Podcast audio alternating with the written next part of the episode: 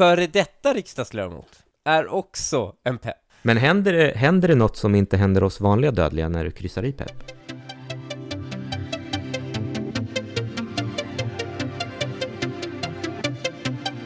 Så jag, jag frågade ChatGPT, den här AI-grejen. Ja, Eh, frågade, which stock has a lot of debate about its valuation? Alltså, vilken aktie har mycket debatt kring om de är värdefulla eller inte?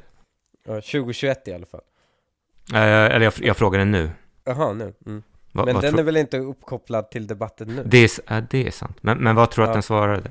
Ett, ett bolag där många har åsikter. Ja, men det måste ju vara något Elon Muskigt. Tesla. Korrekt. jag, jag, eh, jag, jag har eh, Jag har haft som princip när det kommer till Tesla att eh, undvika aktierna eh, Kanske titta på bilarna Om du teoretiskt skulle säga så här, jag vill, jag, jag, jag vill kolla om Tesla-aktien är en bra investering eller inte. Intuiti, Intuitivt, vad skulle du börja? Intuitivt Skulle jag väl eh, börja på deras Wikipedia-sida Se hur mycket de omsätter, så hur många bilar de säljer Det här är ju högst personligt, men så som jag gillar att se på aktiemarknaden, mm. det är att det finns typ tre kyrkor. Har du hört begreppet value investor eller värdeinvesterare? Nej Eh, Det, det faktum att du, du sa här, jag vill kolla på hur mycket de omsätter. mm. Jag skulle kategorisera dig som kanske mer en tillväxtinvesterare eller Mhm. inom liksom kyrkan growth investor. Mm. Medan, kan, kan du gissa vad en värdeinvesterare skulle, skulle titta på? Vinsten? Exakt. Så Mm. det, det, är, det är en, kan man säga, en distinktion mellan Mm. värdeinvesterarna skulle titta på vad tjänade bolaget i år, kanske vad de ska tjäna nästa år Mm. och liksom värdera det kanske i förhållande till räntan. Medan en tillväxtinvesterare generellt skulle kanske blicka längre ut i tiden och säga vad Mm. omsätter de, hur mycket växer de? Och sen så finns det en tredje kategori som jag skulle kalla story-investerarna. De går mer på, eh, är det de som är väldigt eh, mottagliga till eh, FTX scams? Eh, De gillar storyn kring bolaget. Ja, alltså jag, ja precis. Jag, Ja. jag tror kanske inte, ja precis, de, de, De gillar hypen. De, de är lite hypen. mer, jag brukar tänka, de är lite mer som, alltså de kanske är lite mer som så här, om, man, om man tar value och growth, Mm. de två hör lite ihop för kan man säga båda de två tenderar till att öppna bolagets årsredovisning men de kollar lite på olika ställen. Mm. Medan en story-investerare den, skulle, den blir nästan förolämpad. Om du skulle säga jag har tittat, har du tänkt på hur mycket de säljer? Jag, du, kanske, du kanske känner igen de här kategorierna från liksom politiken delvis. Ja, det finns de som kollar på så här, eh, de tittar på vad har Moderaterna gjort historiskt och sen tittar, ja ah, men det, det har varit ett dåligt jobb. Finns det de som bara tittar på vallöftena och sen eh, säger men det här är saker jag vill ha. Och sen finns det de vars den moderata identiteten är så viktig för dem att de blir förolämpande att du ens ifrågasätter att rösta på något annat. Ja, men det, det är liksom lite samma psykologi som går igen. Och eh, ett, ett slagord som storyinvesterarna ibland har, det är att typ så här, jag köper den här aktien för att det är ett Mm. bra bolag, eller jag tror på Elon Musk eller någon annan ledare. Eh, och, och medan kanske value och growth, de, deras husgudar, och den, de delar väl nog Warren Buffett och eh, finns liksom viss litteratur som är liksom deras bibel. Och de vet ungefär hur de ska tänka medan storyinvesterarna eller scientologerna, där är liksom, det är mer typ så här, ah, våra ledare, eh, Elon Musk, han har en plan, men vi får inte ta del av den, vi bara liksom litar på den. Det, och, och lite som scientologerna så kan de bli ganska aggressiva när man lämnar eller går emot dem. Ett annat bra sätt att veta Ja. vart, eller om man själv vill diagnostisera vad man tillhör, så kan man, då kan man fråga sig, du, om du äger en aktie, vad skulle få dig att sälja? Så vad tänker du, en, hur, om du tänker en value eller värdeinvesterare? när, eh, när eh, den säger att den inte kommer göra vinst längre. Ja, precis. Man, man skulle kunna kalla det liksom någon typ av förändring i liksom fakta. Och om, om du skulle fråga en story-investerare som investerar i Tesla, vad skulle få dig att sälja Tesla? Elon Musk skriver något negativt om det på Tesla. på Twitter. Nej, nej, nej, nej, nej, nej. Då skulle de säga så här, äh, det här är liksom någon, en del av en större plan. Det är Jaha. strategiskt. Jaha. Ja, de skulle väl aldrig sälja väl? E e exakt, jag kommer aldrig sälja den här aktien. Det kan man säga generellt sett eh, vad som definierar en story-investerare. Sen finns det ju liksom, det finns såklart lite grupper runt omkring, speciellt så här meme-investerare som har dykt upp och sen så finns det väl kanske eh, de som bara liksom hakar på, eh, sheep kanske man skulle kalla dem. Eh, men det, det kan man säga att de, de tre stora kyrkorna alltså, och tror du att någon av de här är bättre eller sämre än den andra? Nej, alltså ja, annars hade ju alla valt den metoden. Pri, pri, alltså jag, jag gillar din intuition här. Den är... För jag menar, då hade det varit svart på vitt att Mm. det här är den bästa Mm. metoden. Förmodligen har folk blivit rika på alla tre, så att säga. Så som jag ser på det, det kommer säkert Mm. folk som tycker annorlunda, det är att marknaden roterar mellan de här tre ståndpunkterna. Liksom, ibland är det liksom mer value fo- eller liksom, eller så här, varje dag så krigar de här olika grupperna, men sen så kanske någon enskild eh, grupp dominerar över perioder. Så att man kan säga att om du är value-investerare, liksom så länge du bara är trogen så kommer du liksom en tredjedel av tiden kommer du vara bättre. Så det reinforcear ju din tro också eftersom du Mm. liksom med jämna mellanrum har rätt. Om man tar Tesla så skulle den, den traditionella, eller om man tar de här tre grupperna hur de skulle se på Tesla, då skulle liksom value-folket skulle säga Tesla ska värderas som ett vanligt bilbolag i, i förhållande till sin omsättning. Mm. Och om man tittar på den variabeln så är den värderad mycket högre än Volkswagen eller Mercedes. Medan tillväxtinvesterarna, de skulle kunna vara, så att de skulle vara negativa. Tillväxtinvesterarna, beroende på hur aggressiva de är, om de liksom räknar med att Tesla ska bygga robotar och självkörande taxi och liksom, de skulle kunna vara positiva. Men om någon kom till dem och sa, jag kolla den här roboten, liksom, den, den var liksom fake och videon var liksom ihopklippt och det kan man se här och här. Om de skulle köpa det, då kanske de skulle kunna bli negativa. Okej. Och sen storyinvesterarna, ja, de, de liksom, eh, de ska rädda världen, de tror på Elon Musk och eh, liksom, kanske om Elon Musk lämnade skulle de kunna liksom ändra åsikt. Problemet med storyinvesterarna är väl att de har en, eftersom de är lite mer så här, de är lite mer scientologiska, så kan de, till, de kan ha en tendens att till exempel gå in med 100% av portföljen i Tesla och eftersom, eller i ett bolag och eftersom de aldrig byter åsikt så liksom följer de med ner. Mm. Så då kan man riskera att bli liksom, eh, man, man, man kommer, man, man, man är inte med tills nästa gång det blir storytema. Vilken, vilken ska man välja då? Mm, Jag tycker folk kan ha åsikter att om man själv är liksom en person som sitter ner och läser mycket årsredovisningar, att man tycker liksom det är rätt sätt. Mm. Jag tycker väl typ så här, jag är väl lite mer pragmatisk, liksom rätt sätt är det som funkar. Mm. Eh, och, men sen är det såklart, det är ju extremt få som klarar av att rotera mellan de här grupperna i takt med att marknaden roterar. Eh, utan man, man håller sig oftast liksom inom sitt, på sitt angreppssätt. Och sen så, jag brukar säga så här, det är viktigt att din investering, hur du investerar passar din personlighet. För det finns ju, det finns ju liksom, alltså personer som är bra på kanske trading, Ja. som, det, det är ju lite mer kortsiktigt. Mm. De, till exempel en bra egenskap där är att vara helt eh, liksom, typ känslokall för förluster och vinster. Mm. Och eh, jag vet mig själv, jag vet, jag vet själv att jag eh, har extremt svårt för det. Jag tycker det är om att förlora. Ja, precis. ja, men det finns ju tradingstrategier som liksom bara tjänar pengar på 20% av affärerna. Och, men resten måste man liksom som en robot liksom bara kunna så här.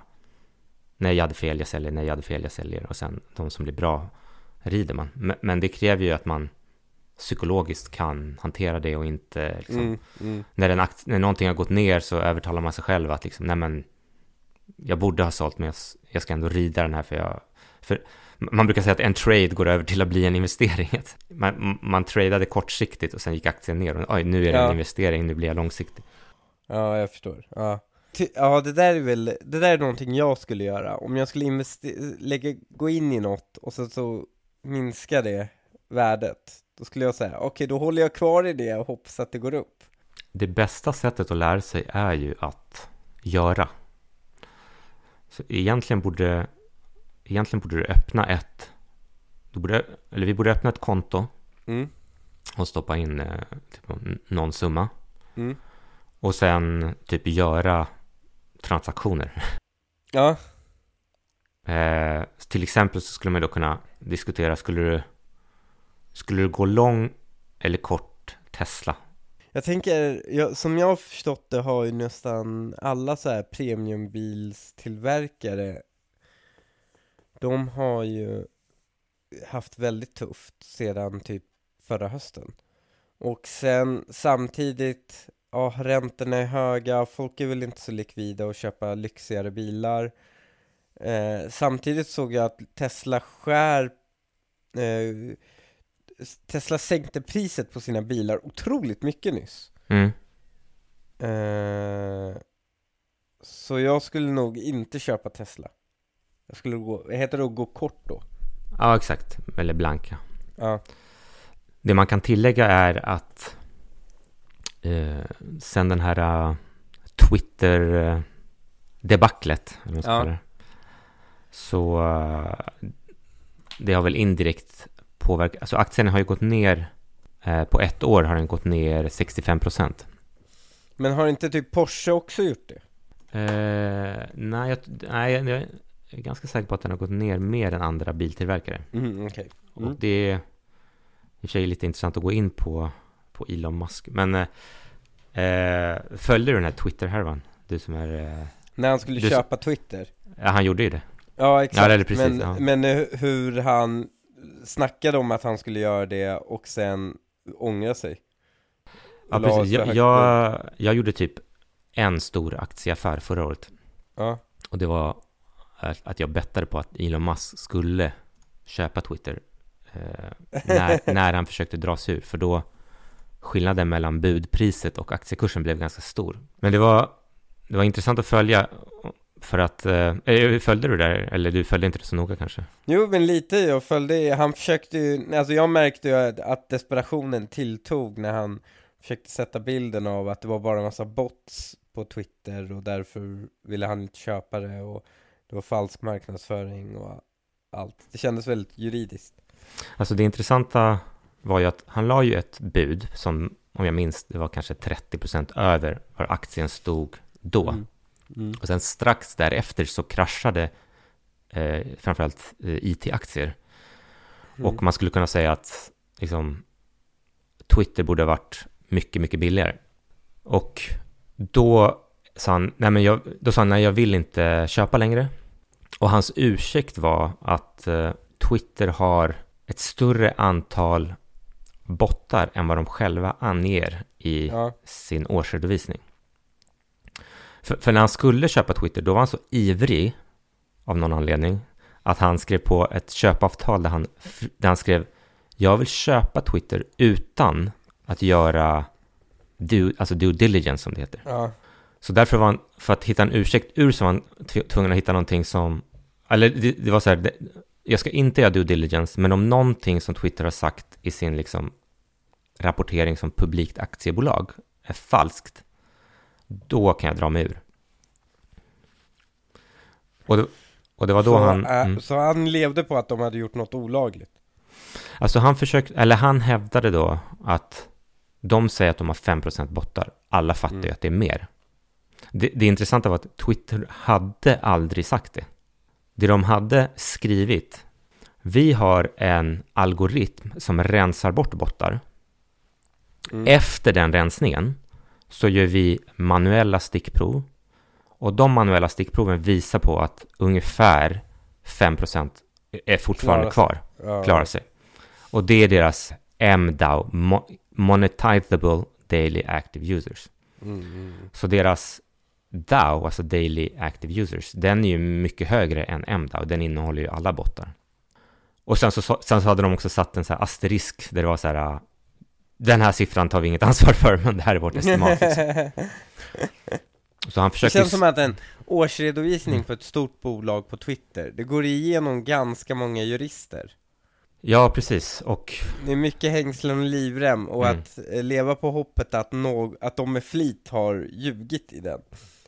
Eh, ja, eller gjort bort sig i den. Det känns ju, det kändes som att han verkligen försökte få tag på grässtrån liksom för att eh, greppa dem halmstrån för att bli av med den här affären. Ja, precis. Och så de hade en preliminär eh, så här, hearing. Mm. Och då sa domaren, eller då, då kom Elons team med massor med, ja, vi vill ha fram data på det här och det här och det här. Och då, då sa domaren så ja men all den här datan hade du kunnat be om om du inte hade skrivit att du inte vill göra due diligence. så liksom, du får liksom stå vid avtalet. Mm. Och även efter det så var, kommer inte ihåg, men det var typ 15 procents eh, prisskillnad mellan det han hade lagt bud och, eh, och kursen. Men, men sen har ju Elon någon liksom förmåga att världens bästa liksom marketer, eller har varit i varje fall. Så att eh, det är klart, det fanns ju en chans att han skulle kunna komma ja. ur det på något sätt. Ja, så nu var han ju tvungen att sälja Tesla-aktier för att ha råd med det överpriset på Twitter. Hans liksom hans fokus är väl uppenbar. Alltså nu är han väl vd för, vad är det, SpaceX, Twitter, Tesla eh, och sen lite småföretag. Så att, ja. Eh, så, så, frågan är om, alltså han är ju lite story-investerarnas liksom Tom Cruise. Mm. Och det är också inte, eh, inte så konstigt att han har scientologföljare då. Det, det, det som jag alltid har tyckt är läskigt med om man skulle liksom korta eller blanka Tesla, om man, om man nu tycker att den är övervärderad, det är ju att på, på, på motsidan så har du ju en av liksom de bästa spelarna, som mm. är Elon Musk. Mm. Så man vet aldrig liksom vad, han, vad är det för liksom kanin han kan dra ur hatten. Så, så med, med den bakgrunden och, och som referens då, om vi ska prata någonting om liksom värdering, mm. så handlas ju Tesla typ till fem gånger omsättning, eller alltså ha, bolaget, bolaget värderas till fem gånger försäljningen. Jävlar. Mm. Och om man kollar till exempel eh, Volkswagen Group så tror jag att de är liksom kanske 0,5 eller ännu lägre. Och då skulle väl försvararna av Tesla säga att jo, men Tesla har mycket mer tillväxt framför sig. Eh, de har liksom massor med andra projekt, robotar och så vidare. De ska inte värderas som ett bilföretag. Det är högre marginaler i deras produktion. Eh, och de har bättre laddnätverk etc. etc. Och om du tar de två argumentsidorna, vad, vad Nej men alltså, du? kanske för tio år sedan, men vadå, de är inte unika känner jag på elbilsfronten längre mm. Eh, Alla, alltså de var ju väldigt tidiga med elbilar och då hade man argumenterat så för tio år sedan mm. hade jag köpt det Men det finns ingenting i deras utbud som är unikt på något sätt som ingen annan absolut inte kan leverera. Det, det, det, det, har faktiskt varit ett argument för de som tycker att Tesla varit för högt värderat. Ja, men kolla, nu kommer Mercedes, nu kommer Volkswagen, ja. nu kommer Polestar och så vidare. Eh, de har ju, tycker jag, liksom delvis motbevisats under en period i varje fall. Men mm. det är kanske nu vi har kommit till den punkten att liksom den här bättre mjukvaran och kanske lite mm. bättre batterier och så vidare inte ger dem samma fördel.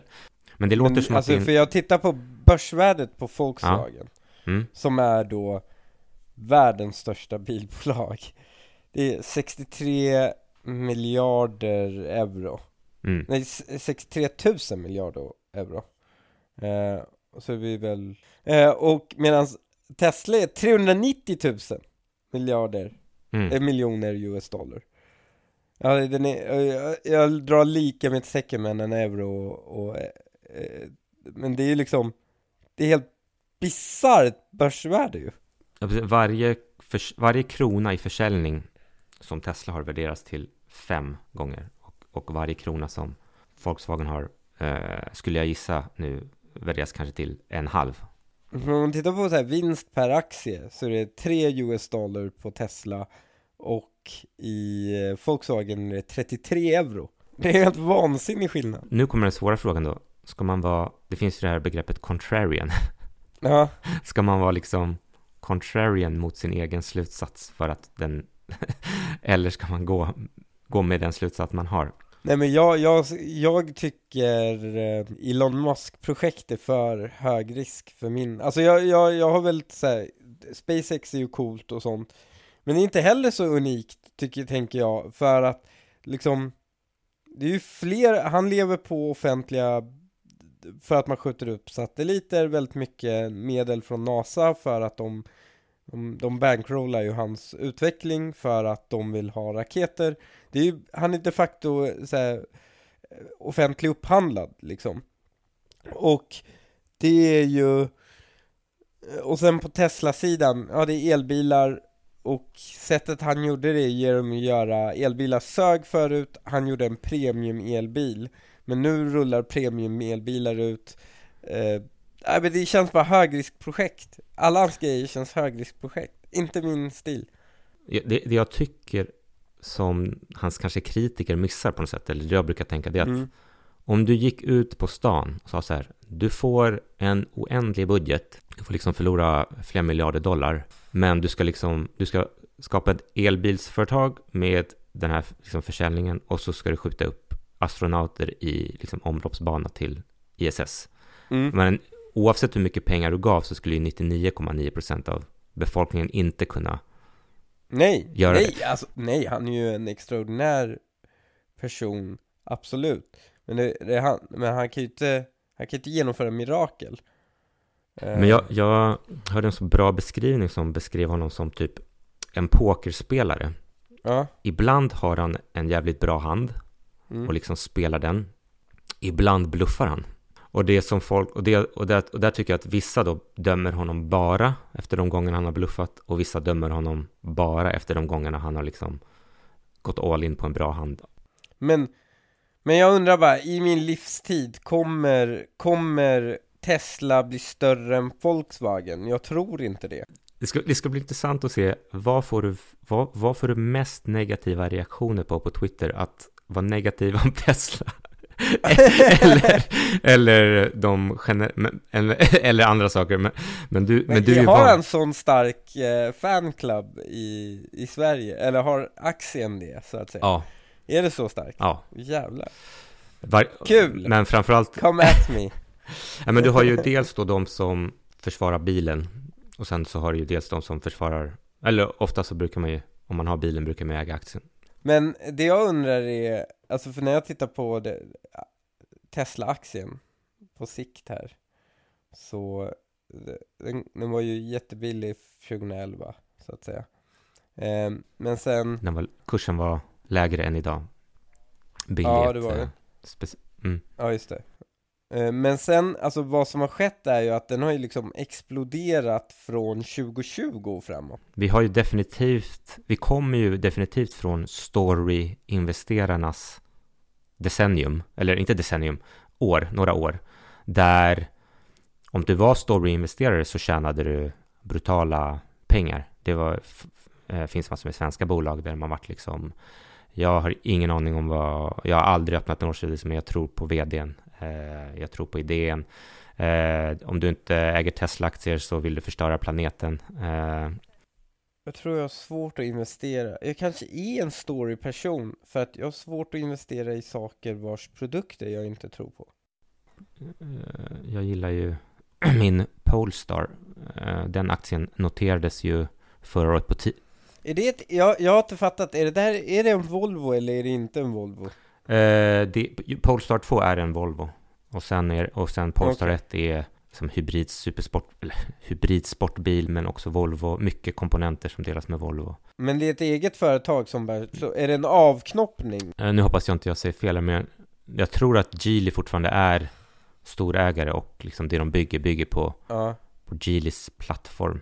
Så, eh, okej, okay, så det är som två bilbolag, men om man, om man tänker logiken för Volvo är så här, kolla, Volvo som företag, Volvo Car värderas till, ja men som ett bilföretag då, en halv gånger, omsätt, en halv gånger omsättning, alltså 0,5 för varje försäljningskrona, ungefär som Volkswagen. Men då kanske för Tesla värderas till, 10, alltså till 20 gånger högre, alltså kanske 10 gånger. Så, så man kan se logiken hos Volvo, hej, vi, vi tar vårt uh, elbilsbrand och särnoterar det liksom, för att få högre värdering. Ja.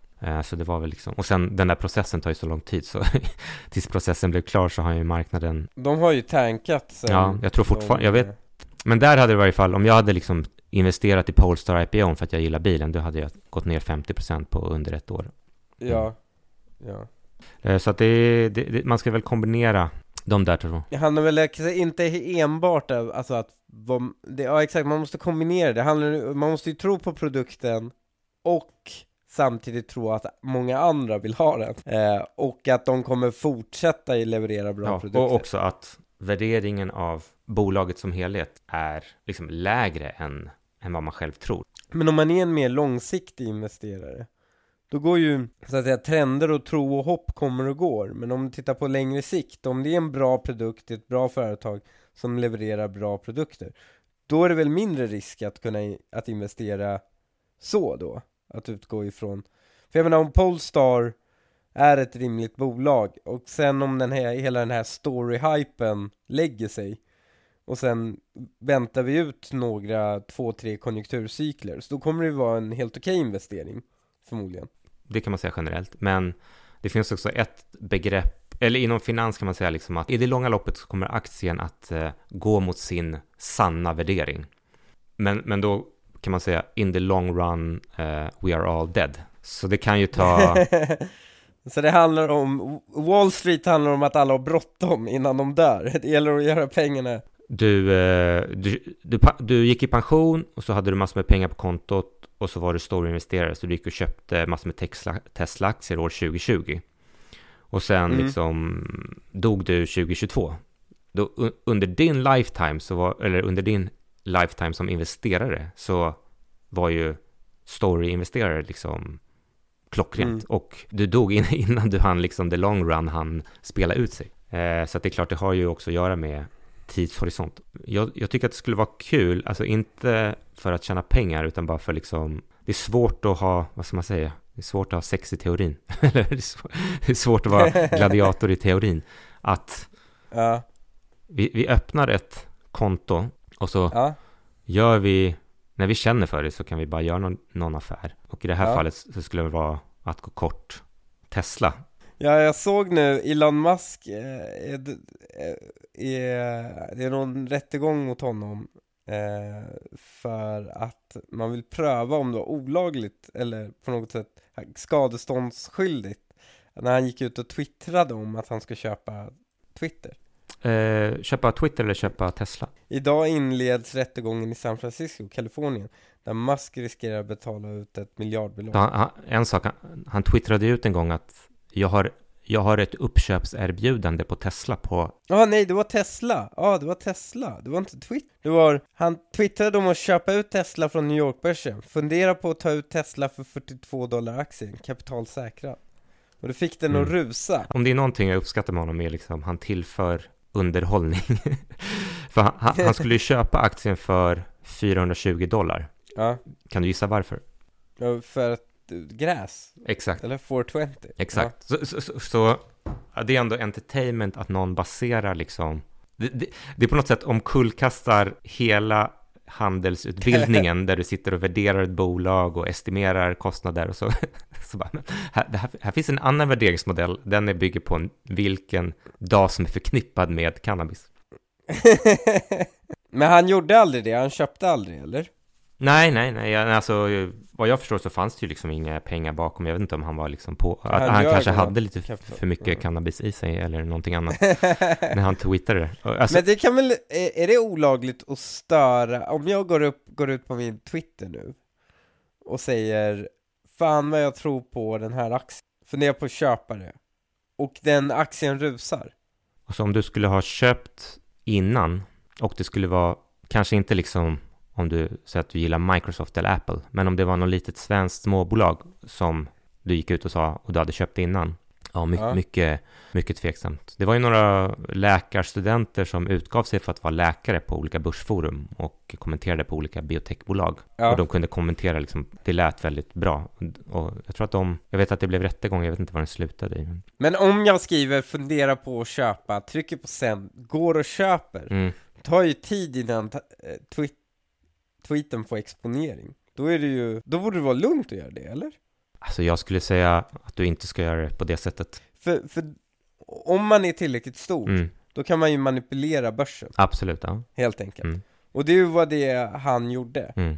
Ja, jo, jo, alltså för en vd för ett bolag att gå ut och säga jag har ett uppköpserbjudande när de inte har det. Det är ju i 99 fall av 100 är det ju typ fängelse eller grova böter och du blir kickad från bolaget. Ja. Men, eh, jag menar, om, om man ska vara konspiratorisk så undrar man ju hur, alltså ibland har jag tänkt liksom, USA defundade sin kapacitet att åka till rymden, så kommer Elon Musk här och säger jag kan bygga upp den igen, delvis med liksom externa investerare. Så det är inte för konspiratoriskt att tro att amerikanska staten liksom tycker att det är bra liksom, och skyddar honom lite. Men, men nu är jag ute på djupt vatten. Nej men, och eh, vadå, det var ju, NASA har ju expanderat sitt rymdprogram oerhört mycket sen hela den här SpaceX Mm, men- och sånt. Sen de, Ja, med Space, Började. nej, alltså, ja precis, när de, när de la ner eh, Space Shuttle-programmet ja exakt. så hade de inte längre kapacitet. De, de var ju helt beroende ett tag mellan, av eh, Ryssland och andra länder att skicka upp amerikanska astronauter. Eh, det- det, jag, det jag kom att tänka på faktiskt, det du sa där, eh, det är att så här, ekonomi, börspoddar, de brukar ofta ha någon så här ansvarsfriskrivning när man pratar om aktier. Och eh, kanske måste slänga, slänga in en sån, dels då att så här, allting vi säger är i, un, primärt i underhållningssyfte. Och typ- Och jag är amatör, Ja. lyssna inte på mig. Ja, men jag skulle säga så här, äh, också, också så här, om du, om du handlar aktier baserat på en podd så kommer du förlora över tid. så, då, så liksom, köp eller sälj inte Tesla baserat på, på vad vi pratar om. Och eh, varken, Ja. varken du eller jag Ja. har väl någon position i Tesla just nu. Nej, det har jag inte. Och sen brukar, de brukar också alltid, har du lyssnat på någon ekonomipodd? Eller börspodd? Eh, någon har jag gjort. Jag, då, jag märker ju att det, det, det har jag undrat på också om. Så här, tidningar har så här köpläge, säljläge. Mm. Är inte det påverkande också? Så, eller är det okej så länge de själva inte äger någonting? Det, det kan vara påverkande och vissa publikationer och mer påverkande än andra och småbolag och så vidare. Men ja, principen ska vara att journalisten liksom Mm. inte ska äga. Men sen det, det de brukar säga i de här poddarna, typ, det är liksom att om du behöver individuell ekonomisk rådgivning, vänd dig till en rådgivare. Mm. Jag, jag vet inte om det är ett bra... Är rådgivare väldigt bra? Alltså, det, om de har Breitling-klocka så Ja. kommer de ta stora avgifter av dig. Och om de har eh, vad det, Daniel Wellington, då, då är de förmodligen bara promotar liksom bankens egna fonder. Men det beror, oftast beror det på liksom vad man har för, de utgår ifrån så här, din ålder, vad har du för risktolerans, vilket är typ så här, hur ska du ens kunna uppskatta det eh, på ett bra sätt? Hur- Det där känns som så här 100% ersättningsbart av AI-jobb. Och- den, KYC. Mm. Ja, den, den här liksom värderingen av hur riskbenägen är du, vad vill du ha i fram... Alltså, de, precis, alltså de, alltså om du jobbar på bank, nu har inte jag gjort det på jättelänge, men jag skulle väl, Mm. jag är ganska säker på att de jobbar efter en matris, där det är Ja, din ålder, de matar bara i... liksom, du svarar på några frågor liksom som är typ så här, äh, vad, vad skulle du helst ha, förlora, kunna tjäna X, förlora 50, eller, är liksom, for, liksom forskning har ju, har ju bevisat att som människor kan inte på ett bra sätt estimera det här teoretiskt, men Det är ju helt omöjligt Ja. att estimera risk Mm. för sig själv också, Ja, det är säga så här, men hur riskbenägen är jag? mm. Det är ju väldigt svårt att sätta en siffra på det. Ja, precis. De försöker väl liksom då ställa liksom frågor, men det är ju... Eh, men generellt är det klart, om du kommer in och säger jag har precis ärvt pengar och jag vill köpa en bostad om sex månader, ja då är det ju tjänst, Mm. tjänstefel om de liksom sätter allt i aktiemarknaden. det, det känns märkligt att gå till en bank och fråga om det också. Jag har ärvt pengar, jag ska köpa en bostad, vad ska jag göra med dem? Sitt på dem. Jag, jag tror det finns ju en väldig respekt för banken. Många klär ju upp sig och när de börjar prata om sin diskretionära förvaltning och har man inte huvudet på skaft där så kanske man liksom inte förstår exakt vad de pratar om och eh, man blir väldigt smickrad liksom från att banken har liksom misshandlat en till så att säga, ja men nu, eh, nu har vi gett, man, man kommer in i ett mötesrum som har liksom 20 sittplatser och man är bara fyra och det är liksom kaffe och kakor framdukat och en presentation och alla hälsar och någon senior person kanske tittar in och hälsar. Det är klart man blir från att ha varit liksom entreprenör som har slitit liksom 20 timmar om dagen i en gruva så känner man, nej men det här, now I'm the boss, fast, de, mm, fast det är mm. inte så. de vill bara rip you off. Kanske inte rip off, men, men ja, absolut. Men de vill, det, det är väl inget som hindrar dig att ta de där pengarna och lägga det i en indexfond på Avanza och sen... Nej, den skulle nog prestera lika bra som den diskretionära eh, förvaltningen. Ja. Men då slipper du träffa människor i kostym. Exakt. Jag, jag, jag, älskar ju min bank. Okej, okay, vad har Skandiabanken. Och hela deras pitch är att du slipper träffa människor. Det, det passade min... Jag hatar ju att ha med människor att göra när jag ska hantera byråkrati. Jag är ju, jag är ju en sån här pepp. Oh, ja, ah, men det är faktiskt intressant att höra, för det där, jag tror att 99,9% av befolkningen tvingas ju med den där äh, klausulen och trycker nej, men du är ju en sån som trycker ja där. ja, ja, eh, men jag, jag får inte ens frågan längre. Jag har aldrig fått frågan, är du pepp? de, de, det är redan så här, hej du är pepp! pepp är ju och, på, på KYC bara, det är ju det politically exposed person Ja, så det är politiskt utsatt person, så då måste man, eh, det, och man är det också hela livet Va? Även så, nu? Ja, Jaha, du ser, du har avgått, men du är fortfarande pepp? Ja, jag, Nej, men du, före detta riksdagsledamot är också en pepp. Men händer det, eh. händer det något som inte händer oss vanliga dödliga när du kryssar i pepp? Ja, eh, ja, nej men då säger jag, då, då dör datorn och säger den kontakta ditt kontor eh, liksom, och du får skriva på papper och, alltså för mig är det så här, Klarna exempelvis mm.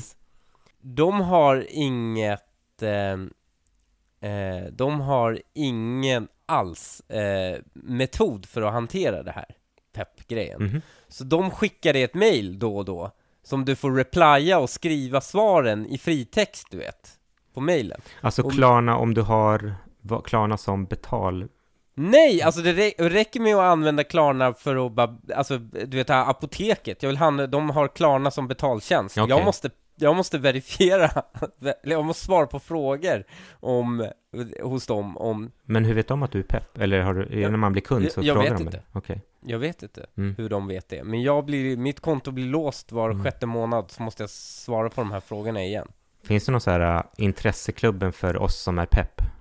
Ja, det borde ju... Före detta pepp? Alltså, alltså jag är ju pepp med skyddad ID, vilket betyder att de inte ens ska, de klarar inte av att posta grejer till mig. Och då vill de att de skriver på papper, alltså det blir så här, det är överdrivet komplicerat. Och nu när jag skulle öppna ett konto på SCB så jag öppnade så att säga, före pepplagstiftningen fanns, före eh, jag hade skyddad ID, då, då, var, då tog det bokstavligen fem sekunder. Jag gick in, skrev på ett papper, så gick jag ut därifrån.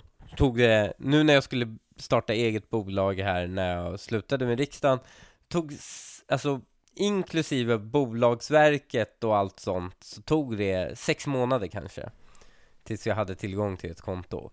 Och det blev så här svettigt ett tag. Jag, jag, jag var inne på så här månad två av besparingar och inte kunna ta ut lön liksom för att, för att jag inte hade ett bankkonto. Det var änt, men... äntligen ett use case för krypto.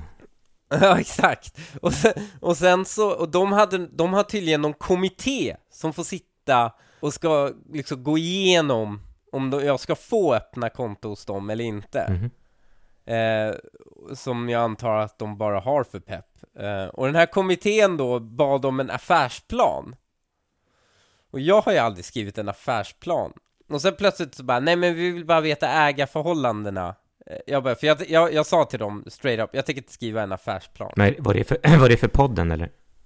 Uh, ja, nej, med ägarbolaget till podden. Okay, alltså, ja, för, mm. alltså jag tänker inte skriva en uh, affärsplan för det. Så, så och sen så, ja, vi gjorde något dotterbolag till podden och då skulle vi skriva liksom, man skulle skriva verklig huvudman och sånt. Och vi hade skrivit allt sånt Men de ville att man ritade en karta på vilka ägarna är. Mm. Så jag ritade streckgubbar i Paint.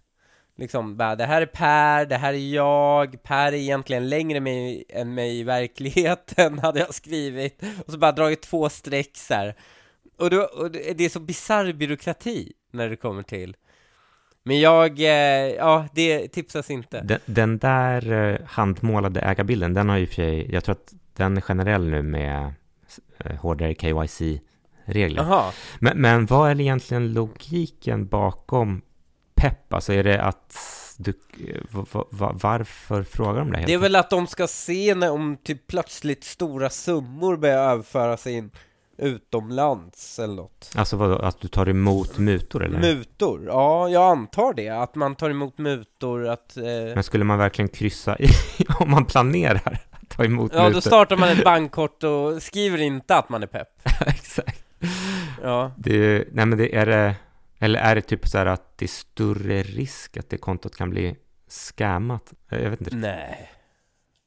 Nej, vem fan vet ditt konto? Men sen när du väl är godkänd då som privatperson med en pepp, men det är ju typ, sen är det liksom Sen är det bara tuta och köra. Nej men du får, eh, är det, det är, Men, är, men, men nu när jag är pepp, nu vet jag inte, får man sådana här know your customer-frågor då och då Ja. från banken som man måste fylla i? Ja exakt, ja det får man. Jaha, okej. Ja men då, det enda skillnaden verkar vara då är att när de gör den Mm. och du bockar i ja, jag är pepp, för det finns en sån fråga, eh, då får du fylla i en till blankett där de frågar på vilket sätt är du pepp? Då säger man jag är riksdagsledamot, eller före detta. Då bara okej, that's it. Ja, men är det, det är EU-lagstiftning antar jag? Ja, det är det. Men jag antar att det är ett större problem i Italien eller något sånt liksom. Du borde, här, du borde kandidera till EU-parlamentet i nästa EU-val med frågan att ta bort PEP KYC. Pep. Ja, det, det är väl så, det är väl så eh, EU sköter sina problem. De, fan var det? Det var när de, de hade testat för kokain i varenda toalett i Europaparlamentet. Så här, och de hittade så här positivt för kokain i alla toaletter Okej, de hade testat. ja, alltså på handfaten typ? eller? Ja, exakt. Mm. Och eh, lösningen som Europaparlamentet tog var ju att förbjuda journalister att gå in på toaletterna. Ja, för, för att de inte ska testa, inte för att de... ja! Alternativt var det journalisterna som tog. Men... Jag tror inte det.